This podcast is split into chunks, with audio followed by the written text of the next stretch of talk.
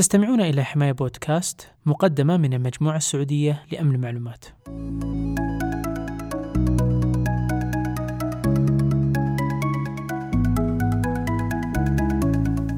السلام عليكم ورحمة الله وبركاته، حياكم الله معنا في حلقة جديدة من حماية بودكاست. من خلال هذه الحلقة والحلقات القادمة بإذن الله سنبدأ سلسلة تتعلق بأقسام أمن المعلومات الموجودة في سوق العمل. أول حلقة في هذه السلسلة سنتحدث فيها عن مركز عمليات الأمن أو ما يعرف بال security operation center واختصارها ال SOC وسيكون ضيف هذه الحلقة هو المهندس علي بن عبد الله الشهري مدير أمن المعلومات بإحدى الجهات شبه الحكومية والعضو في المجموعة السعودية لأمن المعلومات حماية. السلام عليكم مهندس علي وحياك الله معنا في حماية بودكاست. عليكم السلام ورحمة الله. حياك الله أخ عبد الله و أتشرف بالمشاركة معك في البودكاست في هذه الحلقة ومستمتعين بالحلقات الماضية. الله يجزاك خير.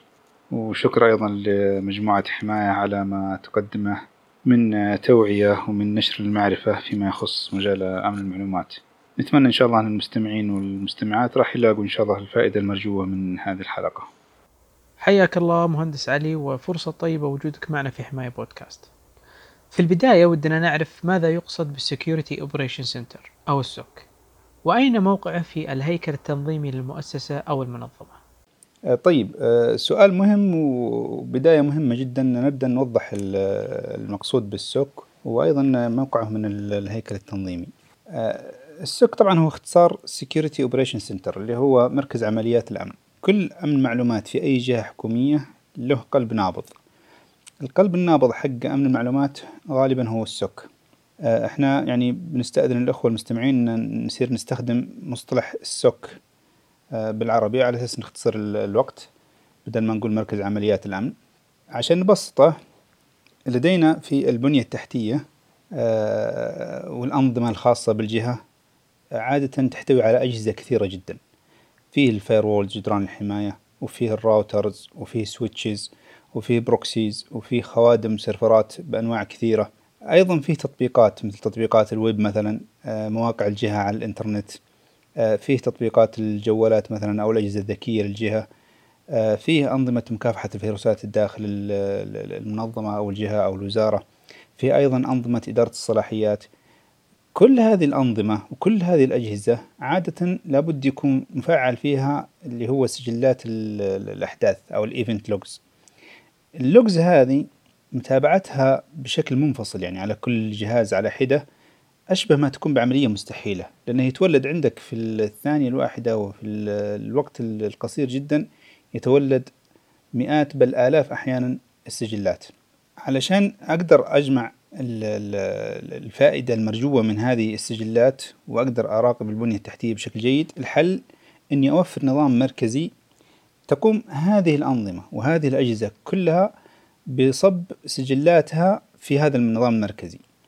ويكون هذا النظام من الذكاء بحيث يربط بين السجلات ويصنفها ويفهم إذا كان هناك مثلا فيه سلوك مشبوه من خلال هذه من خلال قراءته لهذه السجلات آه ويربط بينها. فمثلا لو كان من ضمن السجلات مثلا إنه في محاولات من داخل شبكة الجهة إنها تتواصل مع عنوان خارجي مثلا أو آي بي خارجي ومصنف العنوان هذا عند النظام المركزي هذا إنه عنوان مشبوه. مباشرة يظهر في شاشة الموظف اللي جالس في السوك وعلى شاشات المراقبة هذه يظهر هذا التنبيه إنه فيه كذا عنوان داخلي قاعدة تتحاول أو تتواصل أو تحاول تتواصل مع عنوان مشبوه خارجي. فمباشرة بيتخذ الموظف هنا الإجراء المناسب. هذا هو السوك كعنوان عريض جدا بالإضافة لمهام أخرى منوطة به بيأتي إن شاء الله الحديث عنها بالتفصيل في ثنايا اللقاء بإذن الله. بالنسبة للشق الثاني من السؤال اللي هو مكان وموقع الهيكل السوك في الهيكل التنظيمي. طبعا كانت إدارات المعلومات في السابق وإلى الآن يعني بعض الجهات ترتبط بإدارات تقنية المعلومات. لكن لما بدأت مهام أمن المعلومات تتضح وتظهر على أرض الواقع بشكل واضح اتضح أن هناك فيه تضارب مصالح يمكن يحصل في في بسبب وجود هذه الإدارات تحت تقنية المعلومات. لأن دور أمن المعلومات غالبا دور رقابي وحماية ودور حماية البنية التحتية. فمن غير المنطقي أني أنا كمدير تقنية معلومات مثلا إني أراقب الأنظمة اللي أنا أديرها. فهنا بيجي موضوع تضارب مصالح. لذلك كان هناك توجه بل توجيه يعني بفصل إدارات تقنية إدارات أمن المعلومات عن تقنية المعلومات وربط آه، هذه الإدارات بالمسؤول الأول في الجهة الحكومية أو من ينيبه آه، وبالتالي اكتسبت هذه الإدارات الفاعلية والتأثير الكافيين لتقوم بمهامها على أكمل وجه. طبعا الهياكل التنظيمية تتفاوت من جهة لأخرى وبحسب حجم الجهة بحسب حساسيتها وطبعا إحنا الآن نتكلم عن الجهات الحكومية ما ما ما ينطبق كلامنا على موضوع الشركات الكبيرة أو البنوك أو القطاع الخاص بشكل عام. لكن في الغالب الأعم يمكن نقسم إدارات أمن المعلومات إلى قسمين رئيسيين عشان نجعل ال SOC يعني له مكان في الصورة كاملة يعني. إدارات المعلومات عادة تنقسم إلى قسمين رئيسيين وكما ذكرت انه يتفاوت هذا من جهة إلى أخرى لكن نتكلم عن الغالب الأعم. في عندنا قسم الحوكمة وفيه مركز عمليات الأمن اللي هو ال SOC طبعا في بعض الجهات ممكن يندرج تحت ال SOC موضوع المخاطر وال risk وأحيانا قد تفصل أيضا في قسم آخر. إحنا تركيزنا في آه، الكلام إن شاء الله اليوم على السك بشكل خاص. جميل جدا مهندس علي والله يعطيك العافية على الشرح الوافي. ودنا نعرف آه، لماذا تحتاج الجهات إلى السك؟ وماذا تحتاج تلك الجهات لبناء السك؟ طيب ممتاز. الآن السؤال يعني ذو شقين. الهدف آه، من السوك هذا الشق الأول. طبعا الهدف من السوك أو مراكز عمليات الأمن هذه يعني باختصار أن تتضح الرؤية أمامك اللي هو يسمونها الفيزيبيليتي. آه، أنت عندما يعني, لما نجي نطلب من أي إدارة أمن معلومات أنها تقوم بحماية بيئة العمل في هذه الجهة بدون أني ما أوفر الأدوات الكافية للمراقبة فبكل تأكيد ما بتقدر إدارات الأمن المعلومات هذه أنها تمارس آه، عملها بشكل جيد. ما بتقدر تحمي الفضاء أو حدود أو مرافق جهات العمل هذه بدون أن تملك الأدوات الكافية اللي تمنحها الرؤية المناسبة لحمايتها. فمثلا على أساس نربط الموضوع بالواقع مثلا عندما يطلب من شخص مثلا أو من مجموعة حماية منطقة جغرافية خلينا نتكلم عن الموضوع الأمن الحقيقي الآن الأمن ليس السبراني الأمن الأمن العادي الأمن الحدود أو أمن الجيوش أو كذا. لما يطلب من جهة أو من مجموعة حماية منطقة جغرافية لكن المنطقة الجغرافية هذه فيها ضباب كثيف ولا يمكنون من أدوات احترافية تمكنهم مثلا من رصد التحركات آه، أو كاميرات مثلا حرارية أو كاميرات ليلية أو إلى آخره. ما أقد... ما يقدرون يمارسون عملهم بشكل جيد ما لم تتوفر هذه الأدوات في يدهم بشكل جيد حتى تعطيهم اللي هو الرؤية اللي هي المشاهدة اللي ذكرناها في البداية. هذا هو الهدف من السك أما الشق الثاني من السؤال فهو أيضا يعني ما يقل أهمية عن الشق الأول وهو يعني ماذا تحتاج الجهة لبناء السك طبعا هذا سؤال كبير لكن بنحاول نلخصه إن شاء الله في آه، قد ما نقدر ونبسطه للمستمعين. في ما يمكن أن نسميها يمكن عناصر مهمة لتحقق آه، سوك ناجح. فمن أهم هذه العناصر هي عادة يعني يذكرون أربع عناصر مهمة. أولا هو الموارد البشرية أو الأشخاص. لو, لو تخيلنا أن لديك مثلا فريق إطفاء معين إطفاء حرائق لكن عدد صغير من الأفراد في هذا الفريق. وإمكانات جيدة يعني عندهم إمكانات جيدة. لكن لو نشب حريق ضخم إذا لم يكن هذا الفريق وحجمه يعني مناسب أو مكافئ لحجم الحريق وإلا آه، الحريق سيقضي على كل شيء. قبل أن يعني قبل ما يمدي الفريق الصغير هذا أنه يتصرف بشيء. هذا في ظل وجود إمكانات جيدة مع الفريق. فما بالك إذا كان الفريق قليل والإمكانات قليلة وضعيفة. لذلك يجب على الجهات اللي, اللي, اللي يعني في طور بناء مراكز السك لديها يجب أن تولي الجانب البشري أهمية قصوى وأن تراعي يعني الحاجة الماسة لوجود أعداد كافية لتغطية يعني أوقات العمل لتغطية الأنظمة إذا كان هناك أنظمة كثيرة تراقبها وأيضا لتغطية ساعات خارج العمل مثلا فترات المسائية في فترات العطل إلى آخره. وهذا كله حتى يكون السك زي ما قلت لكم يعني في البداية فعال لأنه ممكن يكون عندي سك لكن ما هو فعال بشكل يعني جيد.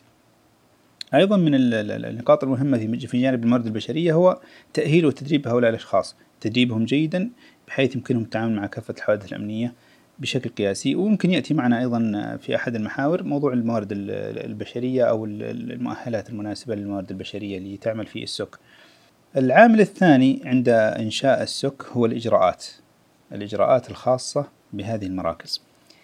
فمثلا تصنيف الحوادث الأمنية يجب أن يكون وفق إجراء موثق آه، يصنف فيه الحوادث ما بين يعني عادي إلى حادث عالي الأهمية إلى حادث حرج جدا. وكل تصنيف من هذه التصنيفات يخضع لمسار عمل محدد يتم من خلاله معالجة الحوادث آه، بشكل يتوائم مع حساسيتها. فمثلا إذا كان عندي مثلا هجوم لمحاولة اختراق أو محاولة كسر كلمات المرور لحسابات معينة والهجوم هذا فشل. هذا هجوم. لكن لو كان في هجوم آخر فيروسي نجح في الوصول لأجهزة الموظفين ونجح في تشغيل نفسه مثلا على عدد من أجهزة الموظفين. هذا هجوم أيضا آه ناجح. التعامل مع الهجومين بيكون مختلف تماما حسب تصنيف كل هجوم. لأنه على ما تم بناءه من إجراءات سيتم معالجة كل هجوم آه، بحسب خطة محددة وواضحة وموثقة. غير خاضعة طبعا لاجتهادات بشرية أو ردود أفعال عشوائية. وممكن يندرج أيضا تحت هذه الإجراءات. إجراءات أخرى مثل إجراءات المسوحات الأمنية ال penetration test وال risk وال vulnerability assessment وفق إجراءات مثلا مكتوبة ومجدولة بحيث يتم تكرارها بشكل دوري للتأكد من عدم وجود ثغرات لم تتم معالجتها. كل هذه تندرج تحت إجراءات المركز اللي لابد تولى عناية خاصة أيضا عند إنشاء هذا المركز. من العناصر المهمة وهو العنصر الثالث آه، الأدوات. هناك كثير من الأدوات اللازمة ليكون لديك سك آه، قوي وفعال. والأدوات هنا كثيرة يعني تشمل أدوات الرصد وتشمل أدوات جمع السجلات اللي ذكرناها في البداية وتشمل الأدلة وتشمل حصر الأصول. أيضا أدوات إجراءات المسوحات الأمنية واختبارات الاختراق أدوات مكافحة الفيروسات. أيضا أظن في أحد المحاور نأتي على الأدوات بشكل أكثر يعني شمولية.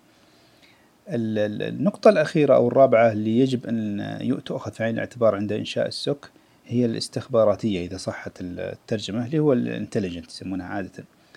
لابد يكون حتى يكون لديك قدرات دفاعية جيدة لابد يتوفر لديك معلومات استخباراتية مناسبة في وقت مناسب. إذا كان في هجوم معين تخطط له جماعات مثلا أو مجموعات آه، معينة أو آه، جهات عدائية إذا توفرت لديك المعلومة هذه قبل الهجوم بوقت كافي فإن هذا يعطيك آه، قوة في الدفاع أكثر من ما لو تمت مباغتتك بالهجوم. يجب أيضا مراعاة البيئة الفعلية البيئة الفعلية والبيئة الواقعية عند إنشاء السك. غالبا غالبا الشركات عندما تأتي إلى إحدى الجهات وتعرض عليها بناء سك فهي تعطيها الحلم تعطيها الصورة الذهنية الحلم الخيالية جدا لسك خيالي وتترك العميل أو تترك صاحب الجهة غارق في هذا الحلم. وقليل قليل من يخرج بسك واقعي آه، يتلائم مع حجم ومتطلبات واحتياجات هذه آه، الجهة آه، التي طلب منها يعني إعداد السك أو بناءه. يعطيك العافية مهندس علي. والسؤال التالي هو آه، ما هي طبيعة العمل اليومي لموظفي السك؟ آه، طيب آه، بالنسبة لطبيعة العمل اليومي لموظفي السك هذا السؤال دائما يتكرر ويتبا يعني من المقبلين على سوق العمل وأيضا من بعض اللي بدأ يتخصص أو يتجه نحو التخصص في مجال أمن المعلومات في المجال العملي أو في بيئة الأعمال آه، طبعا حتى نفهم طبيعة العمل اليومي للموظف إحنا راح نجاوب بطريقة أو من زاوية أخرى اللي هي أدوار السك. وش الأدوار اللي مطلوبة من فريق السك بشكل يومي؟ أول ما يتبادر للذهن عندما يعني أو للذهن عندما نقول كلمة سك دائما هو المراقبة هو الشاشات. معلقة شاشات على جدران كبيرة آه، أشبه ما تكون بغرف عمليات ساخنة. الشاشات هذه بنشوف عليها مؤشرات آه، المؤشرات هذه فيها ألوان مختلفة فيها أحمر فيها أصفر فيها أخضر. نشوف رسومات بيانية ممكن نشوف خرائط. هذا هو المقصود الأهم من السك. فالشاشات هذه كلها تحتاج فريق يقف أمام الشاشات هذه.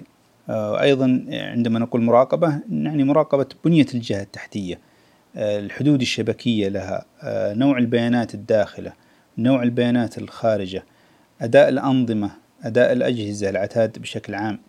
آه، كل هذه من أهم أدوار السوك أيضا عندما نضع الأدوار المنوطة بالسك يعني لازم نركز ونولي عناية لموضوع النظر من زاوية الرصد واللي هو الاكتشاف الهجمة أكثر من موضوع المنع. يعني آه، في في في في مجال ال SOC يجب أن يكون هناك حاضر موضوع ال detection اللي هو رصد الهجوم أكثر من موضوع ال prevention اللي هو منع الهجوم. منع الهجوم في إدارة ثانية أو في قسم ثاني أو في سياسات أخرى معنية به. آه، فيه ال operation مثلا آه، موجودين بأنظمتهم بأنظمة الحماية بال firewalls بالآخرة أنا في ال SOC معني بال detection بالرصد. لذلك يجب التركيز على آليات الرصد وتقنيات الرصد. لأنه آه، لو أفلت المهاجم من إحدى وسائل المنع الموجودة وقدر أنه يصل إلى قلب الشبكة واستقر في الشبكة خلاص. سواء كان عن طريق برنامج عن طريق أدوات آه، جمع آه، بيانات أو شيء.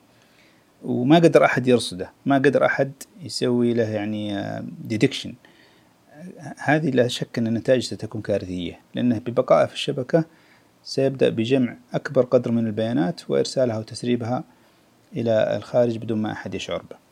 من أهم أدوار ال SOC أيضا اللي هو اتخاذ الإجراءات والاستجابة للحوادث الأمنية اللي هو يسمونه ال incident response. ال incident response المفروض أنت مدام أنك أنت تراقب فلا بد أنه سيظهر لك حوادث.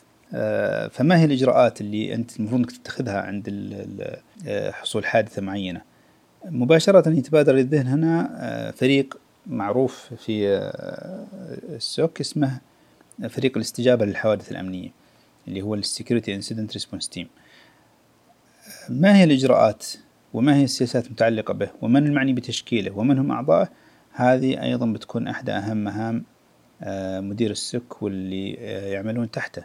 أيضا من المفترض أنه يكون لدى فريق ال SOC أدوات وقنوات مناسبة وإمكانيات لقراءة البيانات اللي سميناها قبل شوي بيانات استخباراتية لمؤشرات الاختراق مثلا الحديثة أو أخبار الهجمات الوليدة اللي جاية.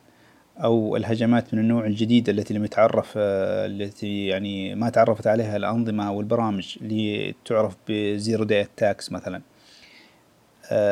هناك منظمات دولية معروفة وشركات متخصصة تقدر الجهات إنها تشترك معها طبعا برسوم وتزودها البيانات الشركات هذه أو الجهات بالمعلومات الاستخباراتية هذه اللي نذكرها. وعندنا في المملكة عندنا جهات حكومية توفر هذه المعلومات بالاشتراك المجاني معها. آه، فيجب أن يكون لدى الفريق القدرة على تحليل هذه البيانات الاستخباراتية قراءتها التنبؤ بما يمكن أن يكون نوع الهجوم وكيفية صد هذا الهجوم. هذه أبرز أهم آه، أو أبرز أدوار آه، السك اللي ينبني عليها طبيعة العمل اليومية لدى موظفي السوق جميل جدا مهندس علي. برأيك آه، ما هي أقل المهارات المطلوبة لدخول هذا المجال ومراتب الموظفين في هذا القطاع؟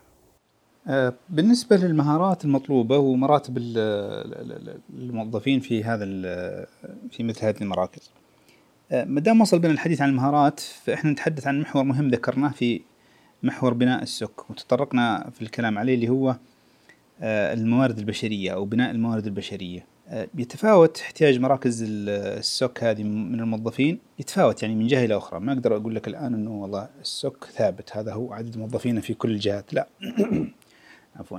عادة يكون هناك تقسيم هرمي لموظفي السوك على شكل مستويات وبناء على حساسية الجهة وبناء على آه، ضخامة الجهة قد تدمج بعض هذه المستويات مع بعض. لكن لو أخذناها يعني على شكل مستويات خلينا نقول معيارية وبعدين يأتي موضوع الدمج على حسب كل جهة وحجم العمل فيها. تبدأ هذه المستويات بالمستوى الأول وتنتهي بالمستوى إما الثالث أو الرابع حسب الحجم. المستوى الأول ممكن نسميهم الخطوط الأمامية. هذولي ممكن تكون لديهم خبرات أساسية. خبرات أساسية كمسؤولي الأنظمة اللي هو system administrator سواء كانت هذه الأنظمة Windows أو كانت Linux حسب البيئة اللي آه، اللي يعملون فيها. أيضا يفضل أنه يكون لديهم يفضل طبعا أنه يكون لديهم مهارات برمجية آه، بسيطة آه، بالإضافة للدورات يحصلون عليها في مجال أمن أساسية أمن المعلومات وفي مسار مهني معروف مختصي أمن المعلومات يمكن الرجوع إليه وأظن مجموعة حماية مشكورة وفرته على موقعها الرئيسي. هؤلاء الموظفين اللي أسميناهم موظفي الخطوط الأمامية آه، هذول المعنيين بمراقبة المؤشرات والشاشات والأحداث الأمنية ودورهم أنهم يفتحون التذاكر ويبلغون عن الحوادث والتحليل لهذه السجلات. وبحسب حساسية الحوادث أو التنبيهات هذه اللي تظهر معهم فهم معنيين بتصعيد البلاغات أو الحوادث للمستوى الثاني إذا كانت يعني تستحق التصعيد. هذول المستوى الأول. عادة يكونون هم أقل المستويات يعني احتياجا لشهادات متخصصة أو شهادات مهنية متقدمة. المستوى الثاني من الخبرات يملكون مستوى أكبر من الخبرات من المستوى الأول. المفروض يكون لديهم إمكانيات وأدوات أكبر من المستوى الأول لتحليل الهجمات والربط بينها. مقارنة الأحداث. أيضا استخدام الأدوات اللازمة لتحليل الملفات المصابة وال reverse engineering أيضا بناء مؤشرات الأداء بناء على تحليل الهجمات اللي صعدت لهم مثلا من قبل المستوى الأول. ولديهم وهو الأهم قبعة الهكر البيضاء اللي يسمونها ال white hat, ال white hat المعروفة يعني. فهم يجب أن يعملوا عمل الهكر في كشف الثغرات الممكنة في الأنظمة. طبعا يفضل بشكل كبير أن يكون لديهم مهارات العمل بهدوء تحت الضغط يعني لأن أحيانا عملهم دائما يكون في ضغط. وكل ما كان العمل بهدوء تحت الضغط متوفر لدى هذا الفريق فالاستجابة للحوادث بتكون يعني بشكل أدق وأهدى وبالتالي ردود الفعل وبناء الأساليب الدفاعية بتكون أكثر نضج. المستوى الثالث هذولا يمكن نسميهم خبراء المجال وهم اللي وصلوا لمرحلة تتجاوز موضوع الاستجابة للحوادث إلى موضوع الرصد الاستباقي أو اقتناص الهجمات قبل آه، حدوثها. من خلال كما ذكرنا تحليل الهجمات الاستخباراتية آه، تحليل المعلومات الاستخباراتية آه، قراءة المؤشرات اللي يحصل عليها المركز كإنذار مبكر والتوجيه حيالها للمستويات الأقل. فهم مباشرة يأخذون المعلومات هذه الاستخباراتية ويوجهون فيها المستويات الأدنى اللي هو الثاني والأول أنهم يتخذون إجراءات معينة وبناء مؤشرات آه، مراقبة جديدة. أيضا يتم آه، من قبلهم استقبال الحوادث الأكبر اللي آه، تم تصعيدها لهم من المستوى الثاني. هذا هو التقسيم المثالي. لكن قد لا يتأتى يعني قد لا يكون من السهولة الحصول عليه في كل الجهات مثل ما ذكرت في البداية. لذلك قد نجد في جهة ما تلقى المستوى الأول والثاني مدمج مثلا في مستوى واحد أو تلقى الثاني والثالث يعتبر مستوى واحد مثلا وهكذا. بقي آخر مستوى اللي هو المشرف على السك أو مدير السك ولا يخفى على الجميع اللي هو المهام القيادية والإدارية اللي المفروض أنها تتوفر في آه، هذا المشرف أو المدير. آخر محاورنا في هذا اللقاء هو عن الأدوات. فما هي الأدوات المستخدمة بشكل كبير في السك؟ بما أننا وصلنا لآخر يمكن آه، سؤال أو محور في آه، الكلام على موضوع السك وهو الأدوات المستخدمة في السك. هذا أنا في نظري أيضا أنه من أحد أهم المحاور اللي لازم يتم التركيز عليها عند بناء مثل هذا المركز. وكما ذكرت في بداية الحديث أن الفريق القليل بالإمكانات والأدوات الجيدة لا يعني أداء جيد. وأيضا بالمثل الفريق الكبير والمؤهلات الجيدة لكن بلا أدوات كافية أيضا لن يعطي أداء جيد بالضرورة. لذلك يجب الخروج بمعادلة موزونة من الموارد البشرية والأدوات اللازمة والإجراءات لهذا الفريق حتى يؤدي دوره في السك بشكل متميز. هناك أحيانا نظرة خاطئة تجاه أدوات السك بحيث يتم دائما التركيز على الأداة الخاصة بجمع السجلات اللي ذكرناها في البداية بشكل مركزي وإغفال البقية آه، من الأدوات. هو صحيح أنها من أهم الأدوات أكيد بل يعني لا نبالغ إن قلنا أنها هي قلب السك النابض. آه، اللي هي أداة جمع السجلات. لكن هذا القلب لا يمكن أن يعمل بدون أدوات أخرى مساعدة. آه لذلك إحنا بنحاول نرتب الأدوات ليس حسب الأهمية ولكن حسب نطاق عمل السك من البداية للنهاية. فأولا من أهم ما يجب البدء به نقدر نقول عنها أدوات حصر الأصول المنشأة. لأنها مثل ما مر معنا في البداية آه كل ما كان المجال واضح أمام الإدارة أمام إدارة الأمن فهذا يعني جاهزية أفضل والعكس صحيح. إذا ما كانت الرؤية والمجال واضح آه لن يكون الأداء بشكل جيد. آه، يقصد تحديد المجال هنا ما هي الأصول أو ما هي الموارد التي يتعين على إدارة الأمن حمايتها. من أجهزة شبكية من خوادم من جدران حماية من برامج من أنظمة من تطبيقات إلى آخره. لذلك توفر الأداة هذه أو الأدوات حقت آه، حصر الأصول توفر بشكل آلي من حين لآخر قاعدة بيانات مهمة جدا لأصول المنشأة. طبعا نؤكد هنا على كلمة من حين لآخر لأن كما تعلم آه، أخ عبد الله ويعلم المستمع الكريم آه، والمستمعات الكريمات أن هناك بعض البيئات أو أي بيئة عمل لابد يدخل إليها عدد من الخوادم والأجهزة الجديدة بشكل دوري. وأيضا بيترحل ويحال عدد من الخوادم ومن الأجهزة للتقاعد. لكن قد تبقى هذه الأجهزة في طور العمل يعني تلقاها في data center موجودة شغالة لكنها ما هي مستخدمة. فهذه قد يعرض آه، الأجهزة هذه للاختراق وهذا قد يهدد سلامة البيئة بشكل عام. فمن هنا تأتي أهمية نظام حصر الأصول. الأمر الثاني من الأدوات هو أدوات المسح الأمنية اللي اللي اللي معنية بكشف الثغرات أو ما يعرف بالفرنابيلتي اسسمنت وهذه أيضا مهمة جدا لاكتشاف الثغرات ومعالجتها قبل ما يستغلها المهاجمين. في أدوات كثيرة وشهيرة منها مفتوح المصدر ومنها تجاري. يعني على سبيل المثال لو ذكرنا ال Acunetix مثلا Nessus آه، Qualys Vega آه، في في موقع ال OWASP آه، مرجع جيد لقائمة من هذه الأدوات المشهورة والمعروفة. الأداة الثالثة أو الأدوات الثالثة اللي دائما يعني ينصح بها في ال SOC أدوات مراقبة السلوك مراقبة السلوك بحيث اللي هو behavior بحيث إنه أنا أسمح لنوع معين من البيانات بالمرور والعبور. خلاص انتهينا. اتفقنا إنه النوع هذا من البيانات آه، أو المنفذ هذا مسموح بالمرور آه، عبره آه، ببيانات لكن يجب مراقبة السلوك العام لهذه البيانات. ليس كل البيانات تعبر من أو إلى الجهة تدل على سلامتها ما دام تم السماح لها. فمثلا أدوات المسح اللي يستخدمها المهاجمين. أحيانا المهاجمين يستخدمون scanning tools كشف الثغرات مثلا. فيستخدمونها من خلال port مسموح مثلا port 80 آه، فيجب أن يكون عندي الآلية لكشف ال behavior هذا السلوك هذا. إذا كان السلوك ال traffic الجاي أو البيانات الجاية هذه جاية من متصفح أو من user أو من مستخدم عادي أو إنها جاية من شخص قاعد يحاول يسوي مسح و scan لاستغلال هذه الثغرات الموجودة في هذا المنفذ أو ذاك. إذا ما لم يكن لدي في ال SOC أدوات لمراقبة هذا السلوك وإلا قد تستغل من قبل المهاجمين. أيضا أدوات الرصد آه، للبرمجيات الخبيثة. آه، اللي تسمى عادة IDS الفرق بين Intrusion Detection Protection والفرق بينها وبين السابقة أن هذه ال IDS تستخدم آه، أو تعتمد على توقيعات معينة signatures معينة و database معينة لأشهر البرمجيات الخبيثة وأشهر المهاجمين سواء كانوا عناوين IP IPs IP addresses مثلا أو فيروسات شهيرة توقيعها وال pattern حقها مثل شمعون مثلا على سبيل المثال. آه، طبعا في نوعين من ال IDS في network IDS اللي تعنى برصد مثلا تدفق البيانات وال data flow والعناوين الشبكية ال IPs وإلى آخره أو ال host based IDS اللي هي ممكن تعنى بالخوادم ومؤشرات اختراق الخوادم وسلوك الخوادم.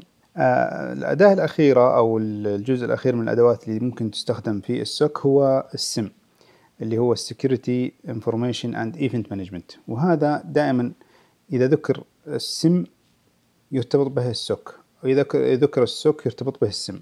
هذا في الغالب الأعم مع أن ذكرنا أنه لا يجب أن يطغى هذا الأداة أو هذا النظام على غيره من الأدوات. هي كلها أداة مكملة لبعضها البعض. السم تقوم بجمع السجلات كما ذكرنا من جميع البنية التحتية للجهة.